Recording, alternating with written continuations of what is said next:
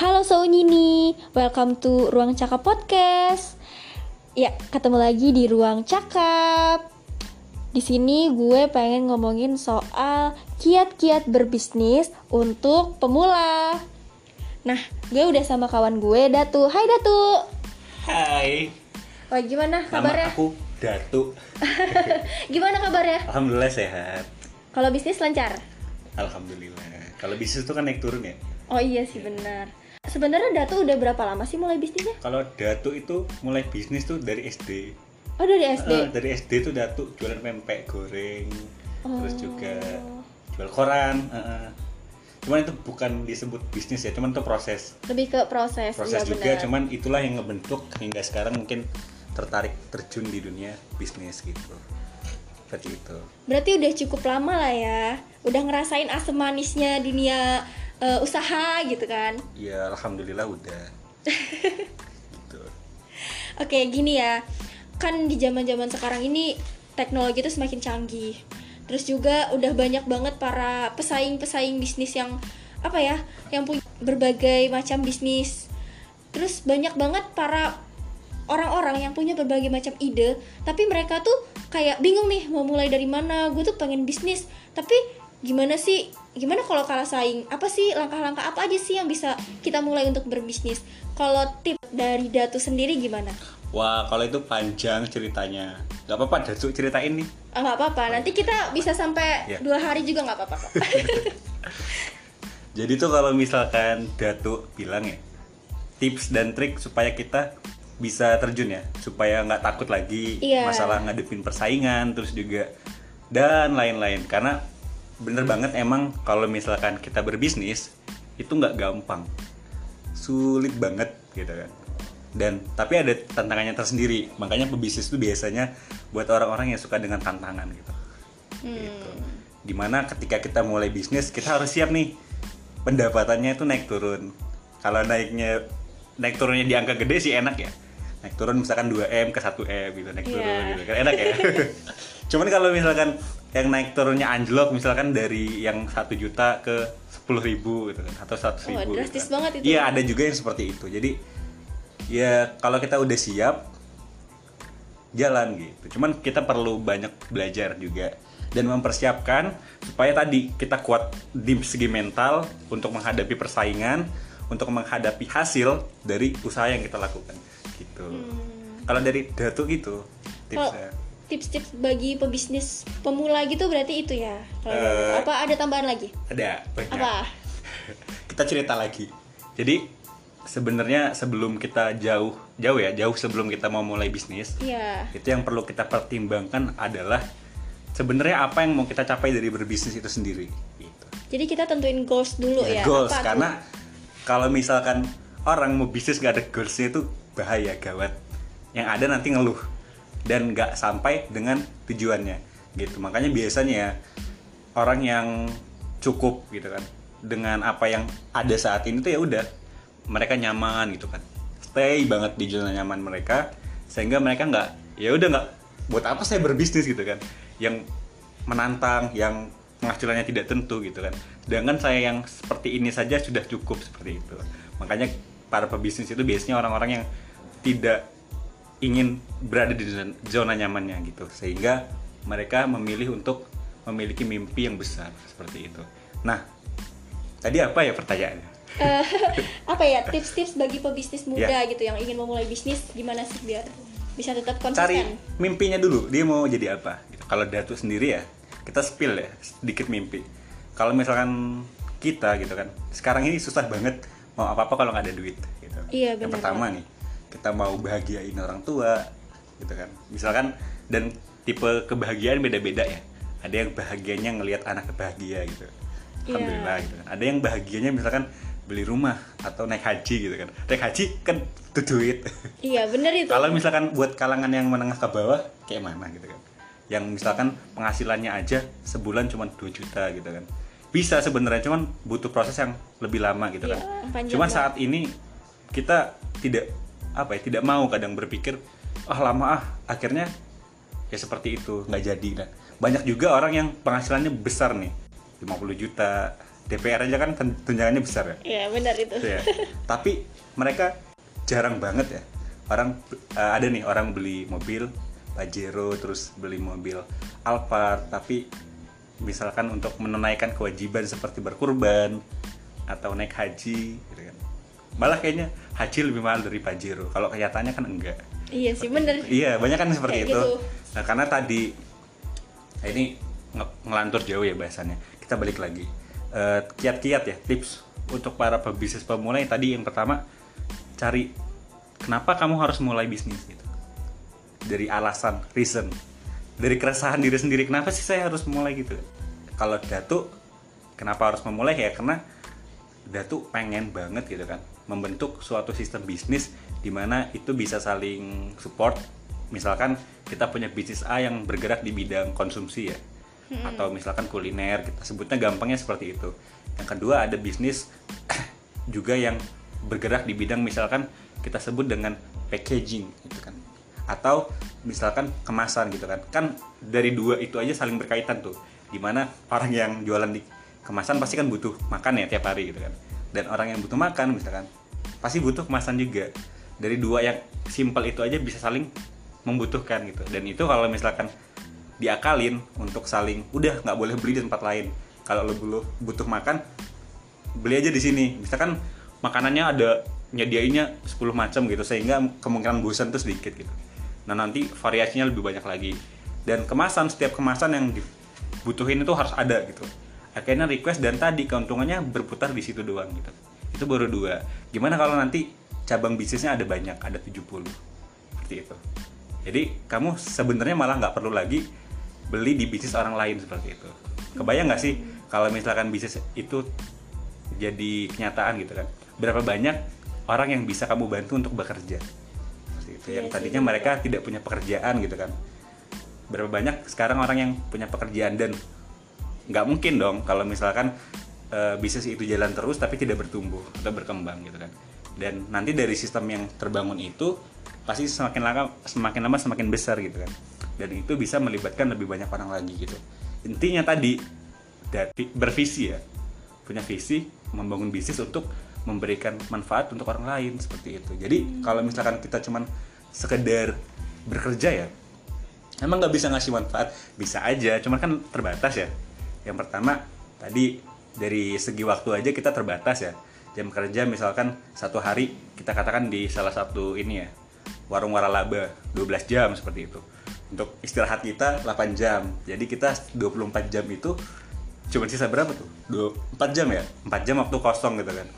Yang itu pun kadang secara fisik oke kita sehat atau kita udah puas gitu. Cuma secara mental kadang kita capek juga gitu. Sehingga tadi yang mereka itu seperti itu berputar-putar di situ aja kehidupannya sehingga ya jangankan untuk memikirkan kebutuhan orang banyak. Ya walaupun ini terdengar naif ya. Iya benar. terdengarnya naif banget. Cuman ya buat orang yang mung- mungkin punya visi seperti itu ya nggak masalah seperti itu kan. Makanya tadi ketika udah punya mimpi nih cara capainya ya tadi. Jadi ketika kita gagal ya ingat lagi apa apa tujuan kita untuk memulai seperti itu. Nah mereka ini yang kadang nih orientasinya cuman profit ya atau keuntungan ya walaupun ya kita bisnis kan cari untung ya. Iya nggak munafik itu iya pasti. nggak munafik. Bener yang yang pasti itu cuman gitu kan. Ketika kita udah terjun di dunia bisnis ternyata itu nggak cuman mikirin keuntungan kita sendiri gitu. Nanti kita belajar banyak banget. Nah intinya tadi sih ketika kita udah punya satu mimpi yang itu nggak bisa dicapai dengan keadaan saat ini ya itu tadi saatnya kita untuk mulai membenahi jalan mana yang harus kita tempuh. Dan biasanya yang penting banget gitu kan. Mimpinya gitu kan. Pasti dia bakal capai banget. Dan biasanya mimpi-mimpi penting itu butuh lebih banyak uang seperti itu. Dan uang tadi sih kalau kita bukan keturunan konglomerat seperti itu. Kita bukan keturunan orang yang kaya banget gitu. Ya tadi caranya adalah akselerasi pendapatan dengan cara berbisnis gitu. Accelerate. Iya iya. Iya. benar benar benar. Eh, gini ya Datu. Eh, kan kita tahu ya persaingan itu sekarang makin banyak tuh. iya banyak banget persaingan tuh Eh, gimana sih step by step Datu eh, memulai bisnis dari eh, bisa memutuskan untuk memulai bisnis itu gimana sih? kayak apa sih yang pertama kali Datu lakukan entah Datu belajar atau gimana terus gimana sih kadang ya kalau dari gue sendiri gue tuh sebenarnya udah ada ide nih mau berbisnis tapi kayak em, gue udah punya produk nih dan udah tahu mau memasarkannya ke mana. Kayak target yang gue tuju tuh ke mana. Tapi kayak udah ada barangnya udah tahu targetnya ke mana terus gue harus ngapain gitu. Kalau dari Datu sendiri gimana tuh? Tadi ya kita yang pertama setelah kita punya mimpi nih tahapnya adalah ketika kita terjun gitu kan. Yang pasti nomor satu adalah belajar gitu kan. Belajar nah. Cuman kita akan lebih spesifik lagi ya ke stepnya seperti apa gitu. Iya. nah yang pertama adalah eh, katakan misalkan Dila ya mau udah mulai bisnis nih. Udah atau udah mulai tertarik atau udah punya mimpi ya untuk berbisnis gitu. Langkah pertama adalah kita cari dulu nih kita tertarik di bidang apa biasanya? Karena bisnis banyak banget ya kompleks. Iya. ada yang bidang jasa ada yang bidang utilitas atau barang. Barang pun banyak banget ya. Ada Iya, yang benar. bidang ini ada yang bidang itu gitu kan banyak banget. Kita tentuin dulu nih kita mau yang di bidang apa gitu nanti kalau ketika kita udah tentuin nih gitu kan dan biasanya kalau berbisnis itu stepnya adalah jatuh jatuh jatuh jatuh lagi gitu kan bangun ya Iya bangun dulu. Oh. bangun gitu kan. Jatuh ke bawah kan terus terus jatuh gitu. Bangun, jatuh lagi gitu. Karena biasanya lebih banyak jatuhnya gitu kan. Nah gitu. Karena tadi itu jatuh itu adalah sebuah kesalahan ya yang kita lakukan. Ketika kita belajar pasti kita salah gitu kan. Ketika kamu tidak mentolerir kesalahan, berarti kan kamu tidak mengharapkan ada orang yang mahir di bidang itu. Berarti, berarti kalau misalkan kamu gagal sekali terus apa tuh orang tuh gagal gitu kan ya berarti udah di dunia ini harusnya nggak ada pebisnis aja gitu karena mereka pasti melalui proses yang namanya gagal gitu termasuk kamu ketika belajar jalan gitu kan pertama pasti gagal kecuali Iya. kamu titisan dewa gitu langsung bisa jalan ya iya harus bisa jalan lari terbang cuy gitu kan. Gitu jadi ketika ketika kita berkomitmen untuk gagal gitu berkomitmen untuk berhasil berhasil Iya, pasti kita akan melalui proses yang namanya gagal gitu kan. Cuman itu nggak masalah gitu.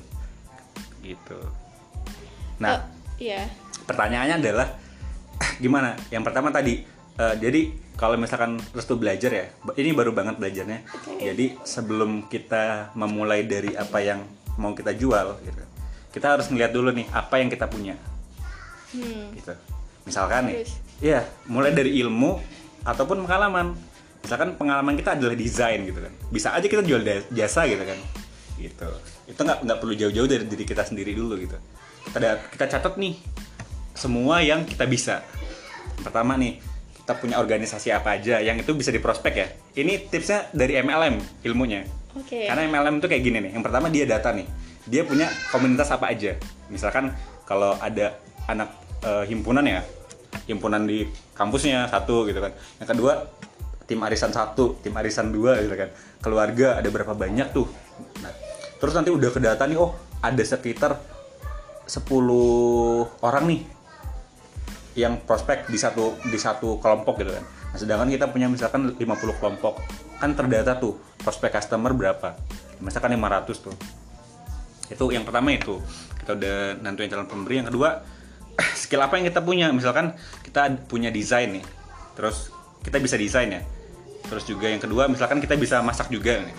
Atau yang ketiga, oh ternyata nih, gitu kan. Ibu kita adalah penjual keripik seperti itu. Dulu pernah banget, cuman sekarang karena like, udah sibuk dan nggak ada yang masarin, akhirnya tutup ini, gitu kan, tutup produksi seperti itu. Nah, terus dari orang yang udah kita data nih, eh kita mulai kira-kira kita mau nawarin apa nih ke orang ini gitu kan. Seperti itu. Yang kira-kira itu mereka butuh seperti itu. Jadi kita udah punya orang yang mau kita tawarin ibaratnya pasar ya.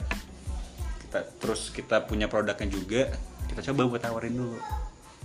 itu eh, mendistribusikan menawarkannya itu gimana tuh Nah, nawarin itu ya. iya Yang pertama adalah biar produk kita tuh bisa dikenal gitu Iya, nah jadi kalau di sistem sistem jualan ya, ini masuknya ke sistem jualan ya. Ada namanya sistem ngampas ya. Ngampas itu biasanya ke orang-orang ya yang nggak kenal sih ya. Jadi kita bawa produk nih, misalkan eh, cemilan ciki ya. Misalkan ciki citos ya atau citato kita bawa nih satu bal. Keliling kita ke tiap orang itu tawarin, tante misalkan atau bro atau sis. Ini gue punya produk nih, beli dong gitu.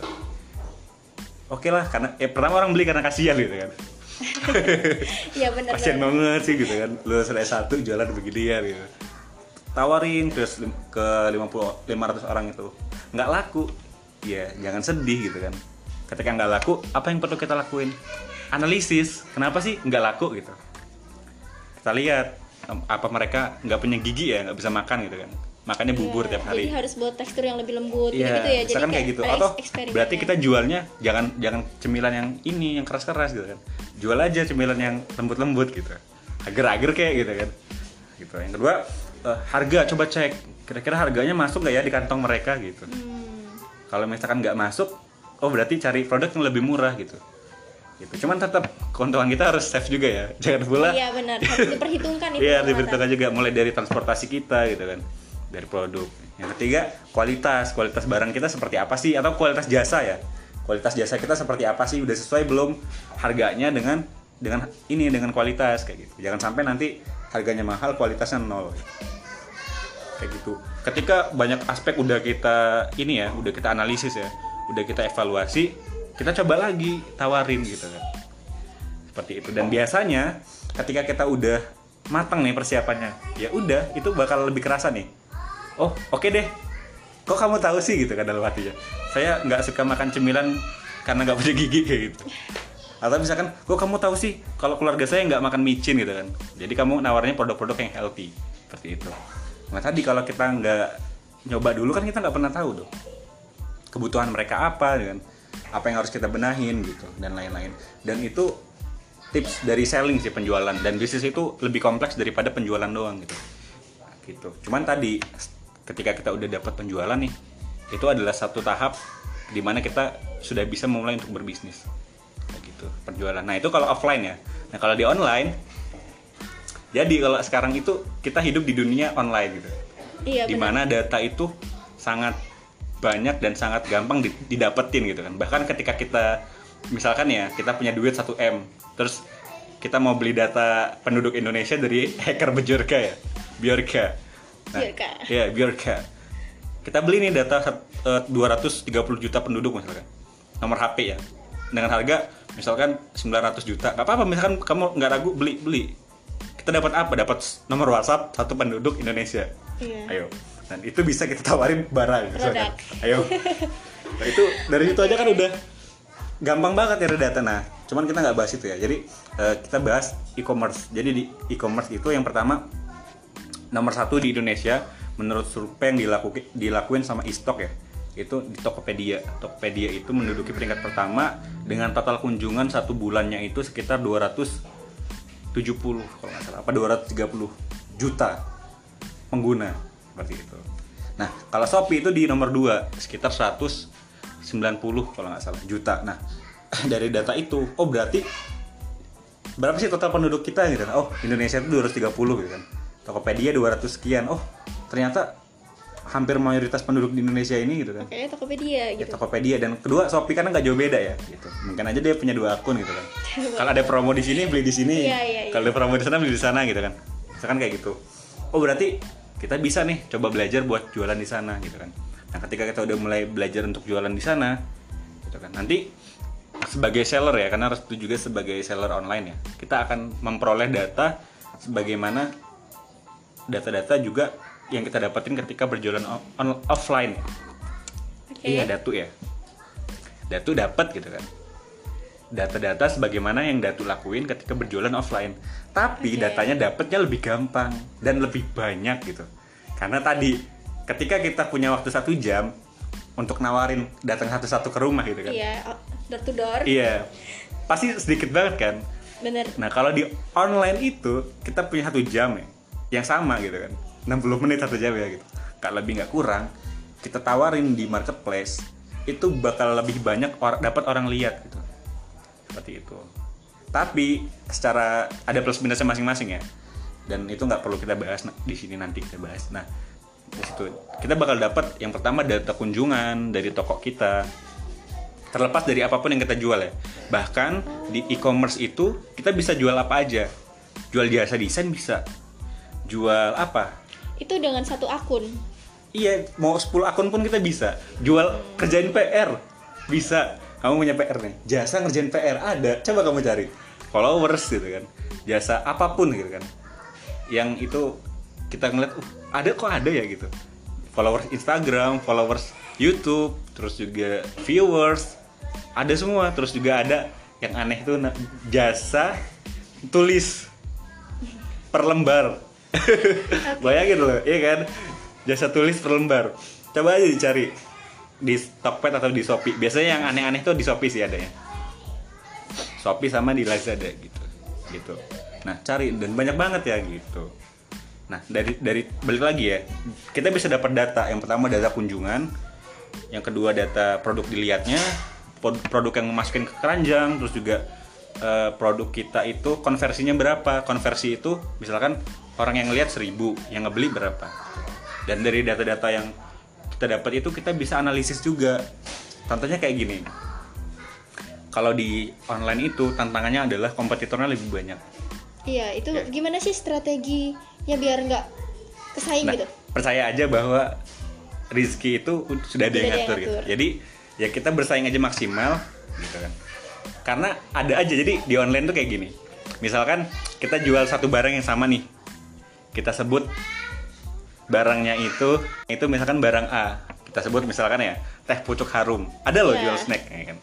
Misalkan di toko A dia jual seharga 3.500 Hmm. ya di toko B ada yang jual 2800 toko C sampai Z dengan margin tuh beda 200 perak percaya nggak kalau misalkan semua toko itu laku satu-satu gitu kan percaya karena emang kayak gitu kenyataannya Nah, satu barang yang kita beli gitu kan di toko A itu bisa beda di toko B gitu. Dan tadi algoritma algoritma itu nggak bisa kita pahamin gitu. Makanya kadang kita lihat kok barang ini harganya lebih mahal ya dari yang aku beli kemarin. Jadi sakit hati kan. Padahal secara kualitas mungkin sama ya. Bahkan emang emang sama gitu. Dan itu tadi asalkan yang tadi yang pertama kita bisa jaga kepercayaan yang kedua bisa jaga ya waktu ya waktu pelayanan ya gitu dan lain-lain. Nah tadi jadi misalkan ya Datu punya toko nih di produk produk fashion gitu. Nah Datu ini punya produk namanya produk A gitu. Terus saingan Datu juga punya produk namanya produk A. Cuman nggak nggak cuman sama dari namanya doang gitu. Tapi dari produknya juga sama emang bener-bener sama gitu. Dua Oke. produk yang sama gitu bukan identik ya sama. Pokoknya sama gitu. Sama bener-bener emang bener sama gitu. Nah Datu nge-brandingnya tadi dengan produk premium terus juga produknya impor terus juga dibuat oleh desainer ternama gitu. Datu jual di harga 200.000 ribu. Nah saingan Datu ini brandingnya sama gitu. Sama kayak Datu. Cuman dia jual 25.000 ribu misalkan gitu. Nah kira-kira kalau untuk produk fashion mana yang bakal lebih laku? Kira-kira menurut Dila gimana? Ya yang datu. Iya kenapa? Karena harganya. kok lebih, kan lebih mahal. Oh, Gak, gak takut rugi. Ya karena dia eh, brandingnya brandingnya sama dua-duanya. Gimana tuh? ya brandingnya sama dua-duanya. Nah kalau Datu jawab ya produk Datu gitu. Walaupun harganya 200.000 ribu. Kenapa tadi? Ya konsumen kita kan pasti pinter lah gitu. Yang pertama produk fashion itu ketika dibuat desainer ternama bahannya import ya mungkin harganya murah gitu. Pasti harganya Iya sih. ya itu Iya tadi. sih, lebih mahal ya dari yang orang lain jual gitu. Terus juga ketika kita beli produk fashion gitu kalau belinya harga murah kan malu mau dipakai kondangan. Wih bagus nih harga berapa? Kira-kira enak lebih nyebutin harga mahal atau harga murah? Mahal. mahal kan? Mahal Gitu. dong. oh ini tas Gucci. Gitu. harganya berapa ya? Oh murah 200 juta gitu kan. Gitu kan enak Iya gitu. sih benar-benar. tas berapa? Oh 25.000 ribu beli di pasar gitu. Nah itu jadi untuk produk fashion itu biasanya emang dia harganya kalau lebih mahal lebih bagus. Karena tadi tingkatnya adalah pride kebanggaan. Yang dijual itu adalah itu tadi. Makanya biasanya produk fashion itu termasuk kayak baju ya. Baju Hermes itu kan harga 6 juta kaos ya. Kaos biasa. Kalau orang lihat tuh kaos biasa. Cuman kalau orang yang ngerti wah Kalau ngerti barang mahal. pasti ya. iya kosnya mahal gitu. Padahal HPP-nya nggak nggak jauh gitu kan. Gitu. Cuman tadi yang mereka jual adalah branding dan kebanggaan gitu pride gitu. Tuh tadi. Nah banyak banget ilmu-ilmu kayak gitu gitu kan dan kita baru bahas mungkin sekitar satu persen kayak gitu. Dari mulai tadi dari produk fashion. Kalau produk kuliner misalkan snack kayak mana tantangannya? Ada lagi tantangannya gitu. Terus juga kalau misalkan nih produk obat kosmetik gitu kan. Yang dia itu persaingannya harganya tipis-tipis gitu kan. Terus juga inilah itulah aduh bakal pusing gitu kan. Nah tadi tantangannya adalah belajar gitu kan. Jadi semakin banyak hal baru ya kita semakin dituntut untuk belajar lebih banyak seperti itu. Dan buat mereka yang berkomitmen untuk mulai berbisnis Datu saranin belajar lebih banyak gitu. Tekunlah belajar gitu. Tadi karena nanti banyak hal baru yang teman-teman bakal dapetin gitu. Termasuk gini sebelum kita lanjut ya. Sekarang itu emang lagi booming boomingnya online shop. Iya benar. Karena tadi eh, pengguna internet di Indonesia udah lebih banyak. meningkat. eh, semakin meningkat. Terus juga generasi yang gaptek itu sudah mulai tuh berkurang. berkurang. Jadi Turun, orang-orang banyak yang sudah hebat pinter teknologi fintech kali ya. Iya iya iya, bukan bisa, fintech tapi ya. Bukan pinjol nanti fintech kan pinjol. Aduh, pinjol bahaya itu. tapi ini adalah pintar teknologi gitu nggak gagap lagi dah. Percaya atau enggak nanti mungkin lima tahun mungkin 10 tahun atau 30 tahun ke depan gitu orang itu lebih cenderung belanja di online. Bahkan sekarang pun banyak pengenalan datu itu ada. Dia bahkan belanja bahan pokok itu di online. Iya, lada terus juga bumbu-bumbu Iya, dapur banyak gitu. banget kayak gitu. Eh, yang kemasan ya gitu. Jadi di online gitu. Saking karena persaingan harga tadi lebih gampang dilihat terus juga lebih enak lebih nyaman dari rumah klik klik klik klik diantar gitu. Cuman tantangan terbesarnya adalah lebih lama sampainya. Lebih lama, Betul oh, Iya, iya. betul ya? Penyampaian barang mungkin ya. kita mesennya kemarin gitu kan. Ya kalau dikirimnya nggak mungkin dong dua jam gitu kan. Kecuali Iya. express ya atau gosen instan.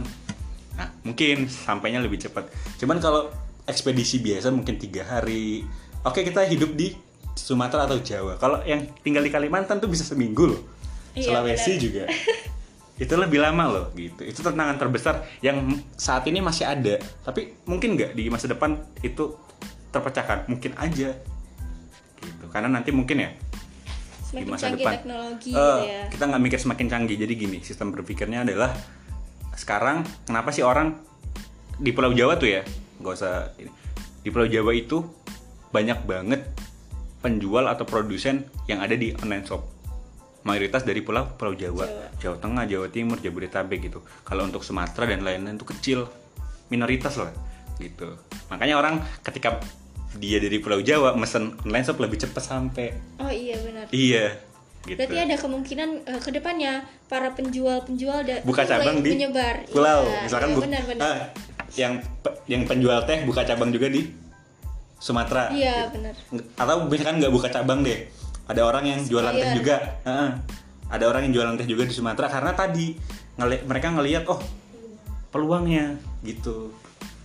Ada peluangnya nih. Nah, nanti bakal lebih cepet gitu. Nah, kebayang nggak kalau misalkan step kedua adalah oh mu- mulai dari tiap pulau ada stoknya.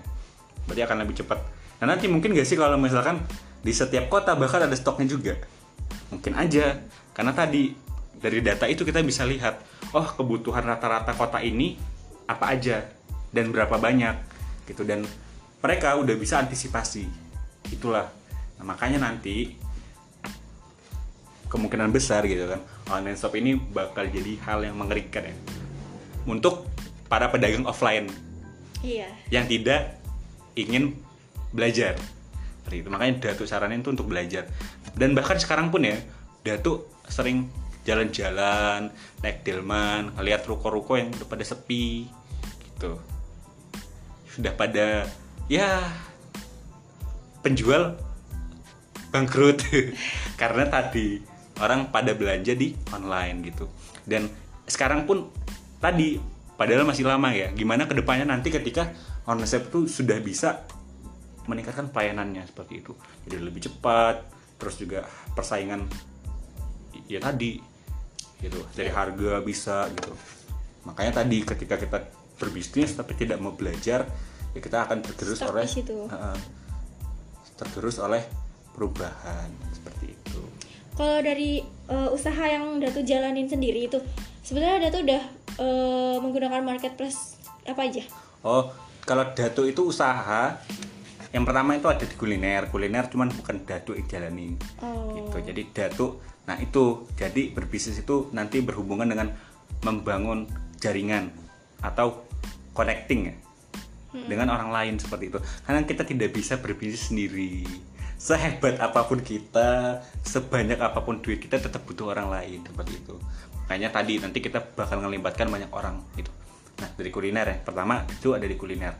Karena tadi sesuai dengan visi datu dengan membangun bisnis di berbagai jaringan yang saling membutuhkan Betul. seperti itu. Jadi kalau bisa datu nggak perlu beli di toko orang lain gitu. Atau nggak perlu beli di toko yang tidak kenal gitu.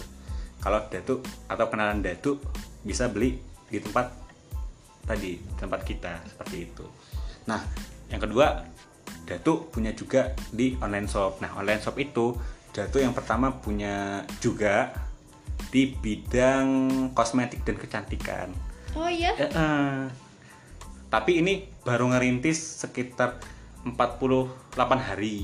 Hmm, masih baru banget ya ah, berarti ya? tapi alhamdulillah sudah star seller oh. Ah, sudah jadi star seller berarti untuk omset lumayan lah ya? Eh, omset itu naik turun cuman ya Oh, naik alhamdulillah ada gitu kan. Nah tadi sih karena kita sudah paham jalannya. Karena kita sudah paham jalannya sehingga tadi oh sekarang baru segini tuh. Tadi tapi kita gimana caranya untuk meningkatkan ini terus seperti itu. Dan mereka yang sudah punya pemahaman gitu, kan, berada di atas gitu kan. Tadi oh sekarang di tangga nomor 2 kapan yang kita kira-kira kita bisa sampai di tangga nomor 100 Selanjutnya. seperti itu. Tadi step by step perlahan tapi pasti kita akan menjalani. Maka- makanya biasanya tuh kalau ditanya omset ya walaupun masih kecil aja ya ada tapi masih kecil seperti itu. Hmm. seperti itu. Terus apa ada lagi? Ada. Yang kedua itu di toko herbal. Herbal konsumsi madu terus juga batu sauda. Nah itu juga kalau itu sudah berjalan sekitar enam bulan. Cuman sempat vakum di usia 3 ke 4 bulan gitu. Makanya eh, itu sebelumnya tuh ada cerita juga kenapa bisa berhenti seperti itu. Tadi karena Datu fo- fokus untuk tadi mau berusaha sendiri gitu kan nggak mau melibatkan orang lain sehingga oh ternyata lelah seperti itu. Hingga akhirnya sekarang mulai deh fokusnya adalah tetap sama cuman yang berbeda adalah caranya oh kita harus melibatkan orang lain di rencana kita juga gitu. Tapi terkadang ada orang yang kayak sengaja loh pengen bergerak di bawah di kaki sendiri. Kadang kalau kalau ada orang yang bisa bekerja dalam tim dan ada juga orang yang emang seringnya bekerja sendiri gitu. Kayak temen Dila itu ada yang kayak gue nggak bisa loh kalau bisnis bareng temen. Nanti endingnya kayak gini nanti endingnya kayak gini. Itu kan gimana ya? Gimana sih dengan pemikiran orang yang kayak gitu? Apakah bisnis itu wajib dan wajib kudu mesti harus melibatkan orang lain atau orang yang bergerak bisnis sendiri itu eh, caranya salah atau gimana? Datu bantu jawab ya. Ini Iya. eh, disclaimer dulu, Datu tidak merendahkan mereka yang pengen bekerja sendiri atau yang pengen punya pikiran sendiri untuk ya udah aku bisa kok tanpa ngelibatin orang lain seperti itu. Cuman kita lihat aja dari contoh nih, Eh, nggak usah yang jauh-jauh deh. Misalkan kita lihat para pebisnis-pebisnis yang sukses banget. Kalau kita gampangnya itu misalkan Raffi Ahmad. Apakah Raffi Ahmad sukses sendiri? Enggak. Banyak Iya, teman iya, yang iya, pertama benar. dari tim. melibatkan orang lain Ah, ya timnya, tim di Rans Entertainment, asistennya. Oke, kita ngelihatnya mungkin dia yang yang jadi branding ya nomor satu. Cuman ketika kita kenal lebih jauh, nggak ada. Eh, maksudnya itu bukannya dia sendiri itu.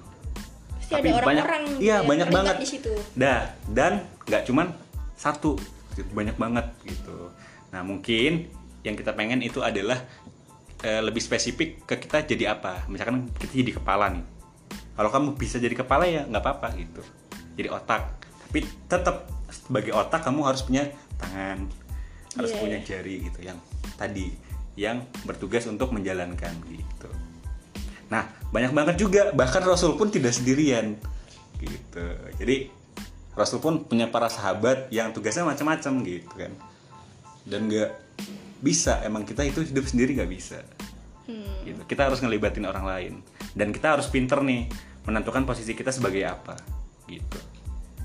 Oke kita kembali lagi ke masalah bisnis online nih Eh, jual lebih ke jualan online. Oke. sebenarnya Dila tuh kan pengen nih eh, buka di Shopee atau Tokopedia itu sebenarnya ribet gak sih mekanismenya tuh gimana terus kayak packaging dan selai dan sebagainya itu gimana sih kalau kita mencoba untuk jadi penjual di marketplace kayak gitu Nah, kalau udah bahas online shop nih Datu seneng gitu. Karena Oke, Datu gimana tuh? kebetulan ilmunya tuh matang lah. Alhamdulillah kalau di sini. Kalau dilatanya Datu nggak ribet. Kenapa? Karena tadi kita bahas yang pertama adalah kita buat toko gratis oke di Toko di Tokopedia atau di Shopee atau bahkan Bukalapak misalkan. Tapi tadi sih sebagai pebisnis pemula atau pebisnis yang baru mau mulai belajar, tadi bisa milih di antara dua atau bahkan jalan dua-duanya dulu nggak apa-apa di Shopee atau Tokopedia. Di dua itu yang terbesar. Nah, yang pertama buka toko gampang, cuman butuh nomor HP. Bisa kan? Punya kan nomor HP? Pasti punya Yang dong. kedua punya email kan? ya? Bisa kan terima email ya? Gitu. Apalagi masih mahasiswa S1 ya. Bisa nggak pakai email? Terima Iya kontak dong. masuk bisa ya? iya dong terus terus Nah, yang ketiga adalah verifikasi lewat KTP identitas gitu.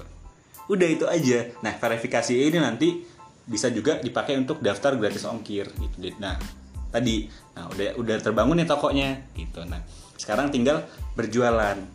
Apa nih yang mau aku jual gitu kan? Apakah mau Cari jual ginjal? dulu, gitu ya. Nah, cari produk dan jual cari produk pun ada tahapannya gitu. Tahap pertama adalah kita riset dulu oh iya yang kebutuhan udah pasar. jelasin Iya, tadi ya betul. Itu udah pernah ngobrol sama Dila ngejela- ngejelasin sedikit. Yang pertama kita riset dulu barang apa yang ada pembelinya di tempat tersebut, oke gitu. Misalkan nih kita jadi pebisnis di Gurun ya, kita survei dulu dong. Apa yang kira-kira laku dong di situ, gitu. Nggak mungkin dong kita, oh ini tanaman kaktus kaktus, bisa nggak? Kalau kaktus kan laku ya. oh masih laku Misalkan, ya kan kaktus di Gurun kan laku ya emang. oh iya Iya kan? tapi kan adanya di gurun pokoknya Iya, misalkan kita jual nih. Oh, ini tanaman tropis bisa tumbuh cuma di hutan tropis. Kita Hmm. kita ta- tawarin ke orang-orang yang tinggalnya di gurun misalkan kayak gitu. Kan ya ngapain tawarin ke sini, Mbak? pasar. Ih, salah pasar gitu. Nah, tadi tapi sekarang itu banyak banget gitu kan. Dan berbagai macam produk itu ada sehingga kita bingung nih. Kita riset, oh ini ada yang jual. Kita riset, oh ini ada yang jual gitu. Nah, caranya tadi kita lebih spesifik lagi. Mana produk yang diminatin oleh banyak orang. Dan kita bisa riset lewat kata kunci. Jadi kata kunci, misalkan kita mau lihat nih kata kunci keyword ya. Kalau bahasa gaulnya itu keyword. Kita misalkan mau lihat skincare, kita klik. Oh, skincare itu pencariannya di marketplace ini 2 juta pencarian satu bulan. Hmm, itu muncul gitu Iya, ada. Nanti Ada. kalau mau belajar lebih lanjut bisa diajarin. oke Gitu. Nah, terus nanti dari dari oh ternyata satu bulan itu 2 juta pencarian. Ini pencarian ya, Hmm. bukan terbeli ya. iya iya Terus dari pencarian itu karena banyak ya 2 juta ya. Kita masuk ke halaman pencarian produk kayak mau beli gitu biasa. Kita tulis kata kunci yang sama nih. Misalkan tadi skincare ya, muncul nih. Nah, kita filter yang terlaris. Klik muncul yang paling atas. Kita lihat perjualan per bulannya berapa. Oh, penjualan per bulannya 1000 plus. Jadi kalau misalkan di Shopee itu kalau 1000 plus itu berarti ya di atas 1000. Ini terdengarnya aneh ya. Cuman ya iya. Karena udah tahu ngapa dijelasin. Ini teman-teman. Jadi kalau misalkan 1000 plus itu mau dia 2000, mau dia 3000, 11000 masuknya ke 1000 plus iya seribu plus gitu. Tapi kalau misalkan kayak 200, 300 ya itu ya segitu. D- Angkanya jelas. Kenapa mentok di 1000 plus ya nggak tahu tanya pihak Shopee gitu kan. oke Gitu. Tapi itu tadi batasnya terbesar adalah 1000 plus. Berapapun penjualan tertingginya untuk satu produk. Gitu nah. Kita klik satu toko nih. Oh, terus toko ini jual apa aja? Ya kan? Toko ini jual apa aja? Nah, kelihatan Terus kita klik produk terlaris di toko ini. Oh, produk terlarisnya ada misalkan ya, yang Datu Rasa itu ada toko yang dia itu terlaris di pulau kita nih, Pulau Sumatera ya. Datu lihat dia itu produknya ada seribu. Banyak ya seribu. Penjualannya itu 30.000 produk per bulan. Kalau misalkan dia itu keuntungannya satu produk 3.000 sampai 6.000 dikalikan 30.000 kita ambil yang paling kecil deh 3.000 dikali 30.000 berarti dia punya keuntungan berapa? segitu 90 90 juta. juta. Ya. itu per bulan ya cuman tadi kita nggak bisa mikir gampangnya doang cuman tadi untuk kebutuhan riset kita bisa dong dan wajib banget untuk naker-naker gitu atau mengukur tingkat keuntungan ya dari toko itu nanti tadi kita lihat oh toko ini bergerak di bidang properti atau misalkan toko ini bergerak di bidang kosmetik atau alat kecantikan gitu dan dari 1000 produk dia jual 30.000 penjualan atau 30.000 item per bulan gitu nah dari situ oh berarti produk ini ada peminatnya gitu Hmm, dari situ kita bisa tahu gitu. Nah itu berarti kita bisa dong buat yang sama kayak dia. Bisa. Jadi tipsnya amati. Kita udah ngamatin nih. Sekarang caranya kita niru. kita tiru. Biasanya produk-produk kecantikan itu mereka nggak buat sendiri. Pasti mereka ngejual ulang jadi agen. Oh. Gitu. Jadi oh misalkan kalau misalkan serum ya atau apa misalkan oh ada namanya Implora atau Somtig atau lain-lain gitu. Nah, kita chat, kita cari nih produsennya. Kita cari ya Iya. suppliernya ya. Iya, kita chat. Bisa nggak jadi agen? Oh bisa kak daftar minimal pembelian misalkan segini. Gitu. Udah. Berarti kayak lebih ke jadi dropshipper gitu. Eh, kalau itu bukan dropshipper, itu Apa? reseller. Kita jual reseller. ulang. Nah, bedanya dropshipper adalah biasanya kalau dropshipper kita nggak stok. kita, gitu. Iya. Itu tahap tahap pertama kalau mau jadi reseller gitu. Atau kalau mau jadi dropshipper bisa. Jadi dulu itu ceritanya Datu waktu di toko yang jual herbal itu tidak stok produk. Tapi Datu udah pernah ya. Udah pernah lihat produknya dan emang real pick ya. Jangan sampai kita tertipu ya. Kita nggak Iya, pernah beli terus kita jual gitu. Kita yang Jadinya kita zolim. Zolim. Gitu. Jadi jangan sampai kayak gitu. Jadi kalau kamu udah pernah beli di toko itu produknya, Tahu barangnya, ya. ya. Misalkan kamu aja, kamu tanya, chat. Jadi chat itu bisa digunain. Kak bisa jadi reseller nggak? Gitu. Oh bisa gitu. Ada harga khusus nggak? Kalau misalkan ada, berarti minta aja nomor WhatsApp gitu. Karena nanti pembayaran via rekening biasanya. Kalau misalkan nggak ada harga khusus, ya udah. Berarti kamu jual harganya lebih tinggi dari dia. Apakah laku? Laku. Banyak banget. Jadi eh, di YouTube banyak ya kalau mau belajar lebih detail lah. Cara dropship dari Shopee ke Shopee. Cara dropship dari Tokopedia ke Tokopedia gitu. Nah, kalau dropship dari marketplace itu ke marketplace itu juga pasti harganya dinaikin. Dan tetap laku dan Datu pernah coba. Datu cari barang yang harganya 90 ya terus Datu jual di harga 120 ada juga produk yang harganya 80 dijual di 105 laku. Itu. Tadi tapi tadi yang penting kita bisa nge-branding. Nge-branding dan percaya aja. Kalau kita percaya bakal laku bakal laku. Laku. Gitu. Udah kita amati udah kita tiru Ini kita modifikasi. Modifikasi. modifikasi dengan cara apa? Kita kita lihat kekurangan dia apa biasanya kekurangan toko-toko yang udah rame adalah pengirimannya lama. Chatnya juga dibalasnya lama gitu. Makanya datu itu kalau misalkan ada orang chat ke marketplace datu cepet balasnya. Oke gitu. Bahkan kalau bisa di bawah 10 menit kayak gitu. Karena tadi orang kita masih sedikit kok pembelinya masa balasnya lama sih gitu kan. Dan itu itu jadi kita harus punya nih. Nah dan ini salah satu strategi juga. Jadi misalkan kita punya 10 contoh orang yang satu bidang sama kita dan kita pengen ke situ kita tiru nih produk terlarisnya apa. Kita jual yang sama juga kayak dia.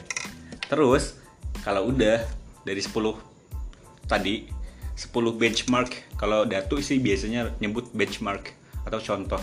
Kita ambil juga 10 kekurangan dia yang masing-masing ya ngambilnya cross jadi ya. Kekurangan toko satu apa sampai ke toko 10 nah kalau bisa kita nggak nggak punya itu kekurangan yang mereka punya.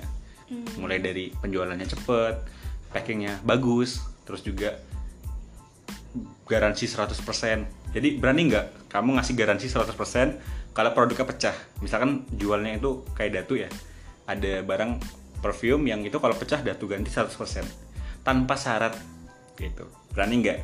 Berani gitu karena tadi kita eh, ngebuat apa yang tidak ada di toko kompetitor. Lain, iya. jadi kita. Dan tadi sebenarnya kalau misalkan itu pecah kan kesalahannya banyak ya. Misalkan bisa dari ekspedisi atau misalkan bisa dari sengaja juga dipecahin gitu. Cuman tadi kalau ada tuh sih percaya ya karena rezeki udah dia ngatur kan. Tadi gitu kan. Itu adalah suatu apa jadi ya, itu jadi tantangan gitu buat kita. dari toko kita Tan- tantangan buat kita. Misalkan oh bubble wrap kita 10 lapis nih. Masih pecah. Udah kita buat 20 lapis. Gitu. Jadi tantangan lebih kayak gitu. Kalau misalkan masih pecah juga coba 30 lapis gitu. Nggak kan kayak gitu. Kalau misalkan masih pecah lagi ya baru kita kita coba nih apa sih yang salah gitu. Dan tapi nggak nggak sampai segitu sih gitu kan. Biasanya Iya, iya. uh-uh, biasa. Tapi itu lebih ke step ya. Gambarin step. Biasanya ya udah nambahin dua lapis aja udah. Udah safety banget. Kayak gitu nah tadi jadi stepnya adalah kita buat toko gampang gratis terus juga kita cari produk. Iya, kita mau reseller bisa, mau dropshipper bisa. Cara dropshippernya tadi chat satu-satu. Tapi itu tahapan setelah kita riset ya, riset produknya gitu. Itu ya tinggal jualan. Nanti di jualan ini yang belajarnya lebih kompleks lagi. Gimana cara kita, memasarkan iya masarin tuh banyak banget caranya. Strateginya bisa dari iklan, kalau dari Datu sendiri eh, pernah pasang iklan gitu atau enggak? Datu iklan jelas. Iklan iklan. itu ya iklan itu cara jadi cepat ada untuk budget mendongkrak. budget tersendiri untuk ada. iklan? Jadi iklan itu biasanya ya ini datuk spill ya. Mungkin kalau buat orang-orang yang tidak pernah terjun ya di dunia marketing digital itu mungkin kaget ya. Jadi datuk itu belajar dengan orang yang mungkin tepat ya. Mungkin salah juga. Iya. gimana menurut menurut banyak orang mungkin ya. Jadi kalau misalkan kita punya produk nih itu harganya 15.000 modal nih 15 kita jual di harga 30 berarti keuntungannya 15.000 ya? Nah terus dari produk ini misalkan menghasilkan keuntungan bersih ya sekitar 20 juta. Berarti kan jual banyak banget ya ribuan ribuan produk ya? Iya. dari 20 juta itu yang 50% diambil buat kita. 50 lagi untuk iklan? 50 lagi untuk iklan. Dan ada orang yang kasusnya itu dia penghasilan bersihnya 1 miliar. 500 juta buat iklan. 500 juta buat bersih. Itu udah jadi kayak eh, standar ya. Cuman nggak harus 50% ya tergantung kita aja. Tergantung kita mau Iya, segimananya. Tapi kita kan mau pastinya iklan itu sangat membantu ya gimana Sangat membantu. orang tuh bisa memperkenalkan eh kenal dengan produk kita iya dongkrak iklan gitu itu tadi Oke, ya udah sebelumnya makasih banyak ya Datu udah mau sharing-sharing soal soal kiat-kiat berbisnis. Semoga para eh, pengusaha muda yang pengen mulai bisnis itu nggak ragu lagi untuk melangkah ke langkah yang selanjutnya. Mungkin dari Datu sendiri ada yang pengen disampaikan untuk para pengusaha muda atau apa? ada Apa tuh? Gak tuh mau nyampein peluang gini. Jadi kita bahas yang tadi ya, yang udah kita spill bah bahwa mungkin lima tahun atau 10 tahun ke depan atau bahkan 30 tahun ke depan marketplace itu jadi satu yang mengerikan buat mereka yang tidak ikut andil di dalamnya. Cuman mungkin buat mereka yang ikut andil di dalamnya itu menjadi satu hal yang menguntungkan. Seperti itu. Dan makanya buat teman-teman kenapa nggak mulai dari sekarang gitu kan berhenti ngomong soal oh, aku nggak fashion di situ. Iya. coba dulu. gitu iya ya. coba dulu. Udah dicoba belum? Udah coba terjerumus belum ke dalamnya? Ya kalau misalkan belum nyoba misalkan ya kita punya makanan ah nggak suka itu. Eh belum dicoba. Udah bilang nggak suka gitu kan. Atau misalkan baru lihat gambar oh nggak suka gitu kan. Belum pernah coba. Kecuali kalau alergi ya. Dan kita juga tahu kita alergi kan nyoba dulu awalnya. Iya pasti. nyoba dulu oh gatal-gatal gitu kan. Berarti udah nggak usah. ini orang nggak pernah nyoba tiba-tiba bilang gitu kayak gitu. Jadi itu jadi ini tuh satu yang menyenangkan itu jangan jadikan itu satu yang mengerikan gitu. Dan tadi ada ada coba apa ya hilangkan alasan lah. Jadi itu bukan fashion gue gue fashionnya adalah pekerja gitu. Coba dulu dong gitu. Dan tadi ketika kita mau berbisnis online atau offline itu semuanya baik. Cuman sekarang tuh online lagi pesat gitu kan dan ketika kita udah punya aset digital ya. Jadi online shop itu jadi satu aset digital di mana di sana ketika toko kita udah rame kita nggak perlu mikirin lagi soal ngebangun toko itu dari awal. Ya karena udah rame ya. Cuman tadi karena udah kalau udah rame itu ibaratnya kita bakal punya pasar itu sendiri. Jadi kita kalau misalkan udah dapat pasar dari segi kosmetik atau dari segi kuliner atau dari segi jasa, kita bisa nentuin sendiri apakah produknya mau kita produksi sendiri atau tetap bertahan di produk atau produsen yang lama kayak gitu. Tadi kuncinya adalah kuasai pasar. Kita udah dapat pasar, ya kita jadi pengu- penguasa karena kita udah dapat pasar gitu dan rasakan sensasi jadi penguasa itu sendiri. Caranya tadi coba berusaha. Oke mantap. Terima kasih atas eh, tips saran dan segala apa ya wejangannya untuk para pebisnis eh, muda. Semoga kalian semua yang mau memulai berbisnis di sini bisa mengambil eh, hal-hal yang baik-baik dan yang sekiranya bisa apa ya meyakinkan kalian untuk mulai berbisnis. Jadi untuk kalian yang mau berbisnis, kalian tuh nggak perlu takut. Yang penting kalian coba aja dulu. Jangan, aduh nanti kalah, aduh nanti kalah saing gitu. Oke untuk para pendengar ruang cakap, terima kasih udah mau dengerin ruang cakap eh, hari ini. Em, untuk kalian yang mau ikut ngobrol di ruang cakap atau ingin memberikan butuh ruang untuk meluapkan apa yang kalian rasa, kalian boleh aja langsung kirim email ke ruang cakap kita itgmail.com. Oke, sampai sini aja perjumpaan kita. Dadah.